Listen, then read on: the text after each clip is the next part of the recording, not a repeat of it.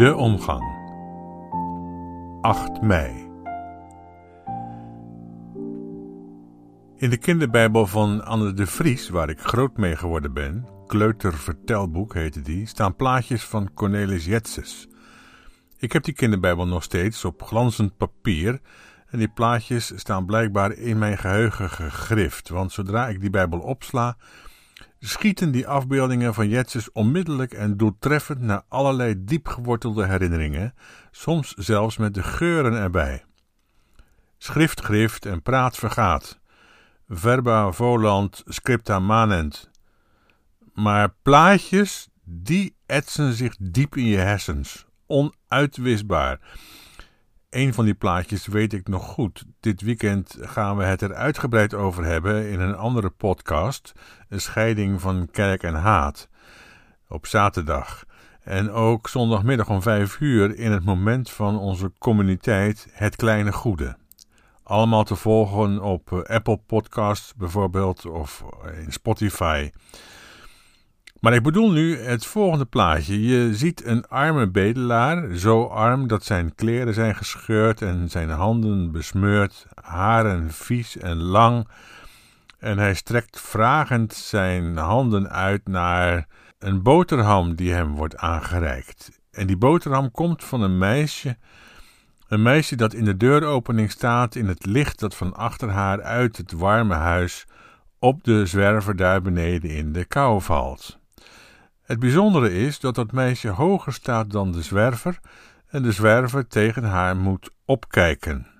En dat meisje kijkt in al haar lievigheid, waar niets mis mee lijkt, goed opgevoed ook nog, vooral door haar moeder, kijkt ze op de zwerver neer. Zo zijn uiteraard ook de verhoudingen. Die voelen wij zo, ook in onze wereld, vandaag de dag. De man op het plaatje heeft niets in te brengen dan louter dankbaarheid. Een bedelaar of een zwerver bevindt zich in de laagte en de rijken en dus ook de welopgevoede kinderen van de rijken bevinden zich in de hoogte en in het licht. Maar nu het bijzondere. Jetsus, de tekenaar, heeft ook Jezus ingetekend in het plaatje. Althans, ik denk dat het Jezus is, want hij ziet eruit als Jezus. Althans, als de Jezus van de kinderbijbel. Hè? Een eh, jonge, blanke man met een lang wit kleed, een soort djellaba, en zwart lang haar en een zwart baardje. En hij kijkt tevreden naar dit tafereel. Het kan duidelijk zijn goedkeuring wegdragen. Maar is dat wel zo? Is dat wel zo? Wij moeten als lezers van de Bijbel namelijk leren om rekening te houden met het feit dat er heel veel en misschien wel bijna alles in de Bijbel anders ligt dan wij van nature denken. Bij ons bijvoorbeeld is armenzorg positief. Een samenleving die aan armenzorg doet, nou, dat is een goede en voorbeeldige samenleving. Maar de Bijbel is op dat soort punten altijd heel wat chagrijniger. En het woord voor armenzorg in de Bijbel, aalmoes, is daar een scheldwoord. Een scheldwoord. het, is, het is een schande dat aalmoes nodig is. En hoe meer aalmoes, hoe groter dat schandaal. We gaan het er allemaal over hebben, vooral zaterdag in Scheiding van Kerk en Haat. Nu even iets bijzonders dus. De, de tekenaar, Cornelis Jetses, heeft ook Jezus dus ingetekend in het bedoelde plaatje. Nou, nou ja, plaatje, het beslaat een hele bladzijde en is dus nogal een navrante plaat, een ingrijpende afbeelding. Maar nu de vraag, waar staat Jezus nu in deze setting? Je zou verwachten bij het meisje in de deuropening. Maar dat is niet zo. En ik weet niet of Jezus dat met een bepaalde en dan heel zuivere en trefzekere theologische bedoeling gedaan heeft, of, of omdat er gewoon geen andere plaats meer was om Jezus erin te tekenen. Maar Jezus staat naast de zwerver. Naast de zwerver en tegenover het meisje dus. Een wel heel erg spannende plaat in de kinderbijbel van Anne de Vries. Hoe spannend? Nou, dat gaan we meemaken als we het verhaal van de schapen en de bokken zullen bekijken. En vooral de manier waarop dat wordt vertaald, want dat is werkelijk om je ogen niet te geloven. Maar voor vandaag wil ik afsluiten met een kort geluidsfragment. Het is uit een gesprek van een zaal vol met mensen ergens in Leuven met de Belgische psychiater Dirk de Wachter. Dirk de Wachter, aan wie ik weer de titel Het Kleine Goede heb ontleend, de titel van onze communiteit, pleit ervoor om de jacht naar geluk op te geven. En om het mensenleven te beschouwen als iets waarin er wat moet gebeuren. Maar niet groots en meeslepend, maar heel gewonig eigenlijk. Een mens komt tot zijn recht als hij of zij zich wijdt aan alledaagse dingen, want juist die zijn zo belangrijk. En daarbij gaat het vooral om de vraag: ga je in op degene die op jou rekent, die iets van jou verlangt? Wat brood, een beker water, een luisterend oor. Want zodra je dat doet, komt geluk als het ware vanzelf wel mee. Daar moet je niet naar jagen, dat moet je eh, op zijn beloop laten.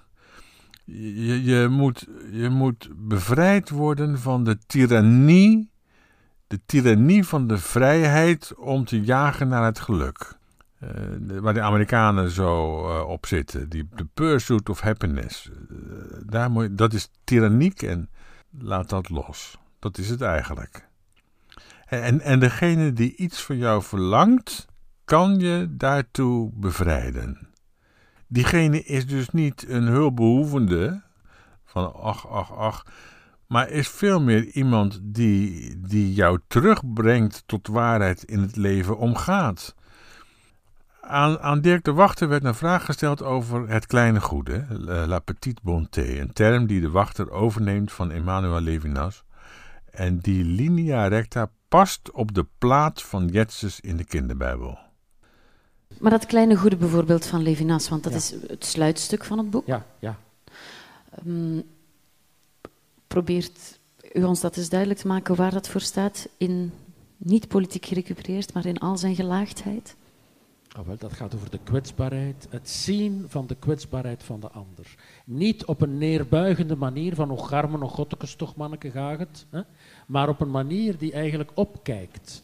Hè? Waar de kwetsbaarheid van de ander een soort, ja, wat doet dat? Het, het, het kraakt de ingebunkerde zelvigheid van het, van het heel individueel levendige mensdom. Hè? De mens die op zijn eigen angstig, ofwel angstig ofwel zelfgenoeg, maar heel erg terugplooit op zijn eigenste zelf en blind wordt voor al wat daar rond durft te gebeuren, die dan, het, ja, die dan geappelleerd wordt door de kwetsbaarheid van de ander en dan dat verstoort. Het is de verstoring die op langere termijn een bevrijding ook geeft. Uit de kokon van eenzelvigheid. Zo'n ding is allemaal. En die onze verantwoordelijkheid aanspreekt, en, ook ja, een sleutelwoord. Het opnemen, dat is het sleutelwoord. Het opnemen van de verantwoordelijkheid. Hè, daar ook iets mee doen.